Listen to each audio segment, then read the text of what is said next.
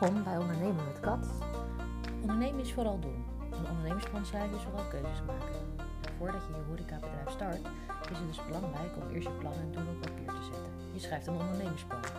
Hierin denk je dus na over wat jij je gasten wil bieden, hoe je je marketing uitvoert en hoe je aan een startkapitaal komt. Je moet goede keuzes maken. Welke ondernemingsvorm kies je? Waar ga je je bedrijf vestigen? Doe je het alleen of met anderen?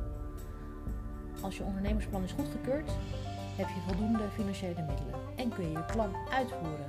Om de opstartfase goed te laten verlopen, stel je dan een activiteitenplan. Ook krijg je dan te maken met wet en regelgeving. En je moet verzekeringen op orde hebben. Uh, vervolgens stel je een organisatieplan op en die gaat over personeel. Wie heeft welke functie in de organisatie en hoe ga je het regelen?